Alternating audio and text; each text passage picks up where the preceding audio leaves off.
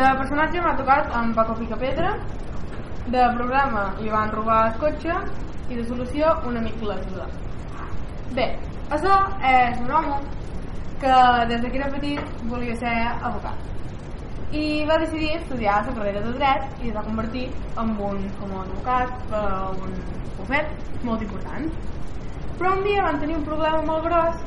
i va perdre un cas molt important i això va fer una al·lota petita, innocent, l'educació en un reformatori així que la seva família d'aquesta al·lota no li va agradar gens això. I va decidir denunciar-lo. I degut a això van trobar que això no podia ser i li van dir que havia de deixar de fer feina en aquell aspecte com que havia tingut molt mala reputació per això mmm, no trobava feina a cap altre puesto així que va decidir fer pica pedrer però no li va voler dir a la seva família perquè va trobar que seria un virtut molt gran era una persona molt important en el seu món laboral i ara tenia una feina no tan important i ell cada dia s'anava amb els cotxes cap la seva feina que era al principi de bufet d'advocats però després, quan ja no hi havia ni la seva dona ni els seus fills, tenia tres fills i una dona, se n'anava cap a una cova, allà a fer de pica pedrer. Cada dia. Un dia se'n va anar a fer de pica pedrer, a picar venga, pedres, venga, pedres. I l'única persona que sabia que era pica pedrer, ell, era un amic seu, que era un company de la feina que ell tenia abans què li, li hauries de dir a la teva dona perquè no s'ho mereix, que cada dia te'n vagi sense dir res ella, no, no, no, no, perquè l'únic que farà serà que ella estigui pitjor ella és feliç pensant que és un abogat i que tinc una bona reputació i estem així uh, vale i d'acord um, un dia se'n van allà a fer de pica pedrer i es va posar dins una cova molt fosca que estava molt, molt, molt en el fons, molt, molt, molt en el fons de la terra. I mentre ell era allà baix, que cavava i treia minerals i pedres, mm, un tots van passar per allà davant i van veure el cotxe, sense voler deixar el cotxe obert. I el cotxe va començar a davallar per una costa xina perquè no havia posat el freno. Així que aquests dos van decidir, com que van veure que el cotxe estava obert, pujar dins el cotxe i manar-lo i robar-lo i clar, com que va robar el cotxe i després, cap d'unes quantes hores d'estar allà dintre concentrar en la seva feina, va sortir i va trobar que no tenia cotxe i com que era tan tan fora de la ciutat no podia tornar caminant aquí hi havia molts quilòmetres, molts, molts, molts i va dir, és impossible i el que faig? Que de dormir aquí així que va decidir.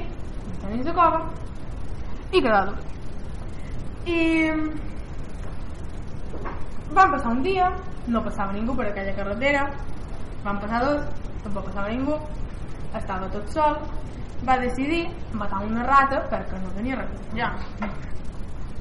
Um, la seva família estava preocupada perquè pensava que encara feia feina en el bufet d'advocats i clar, van anar allà dient escolta,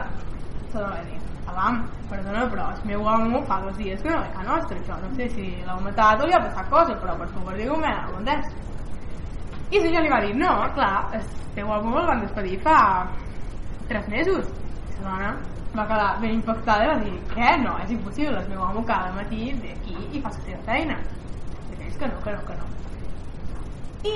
després va passar la dona per davant la sala on hi havia el millor amic del teu home. I li va dir, mira, no t'ho volia dir teu home, però és pica I doncs, se'n van anar a cercar abans quina és la companyia de picapedrers que hi havia més a prop i uh, em van trobar una i li van dir, vam, el meu home no sé què, no sé, el meu home que m'han dit que fa feina aquí, jo no ho sabia era la dona, jo no ho sabia i ara m'han dit això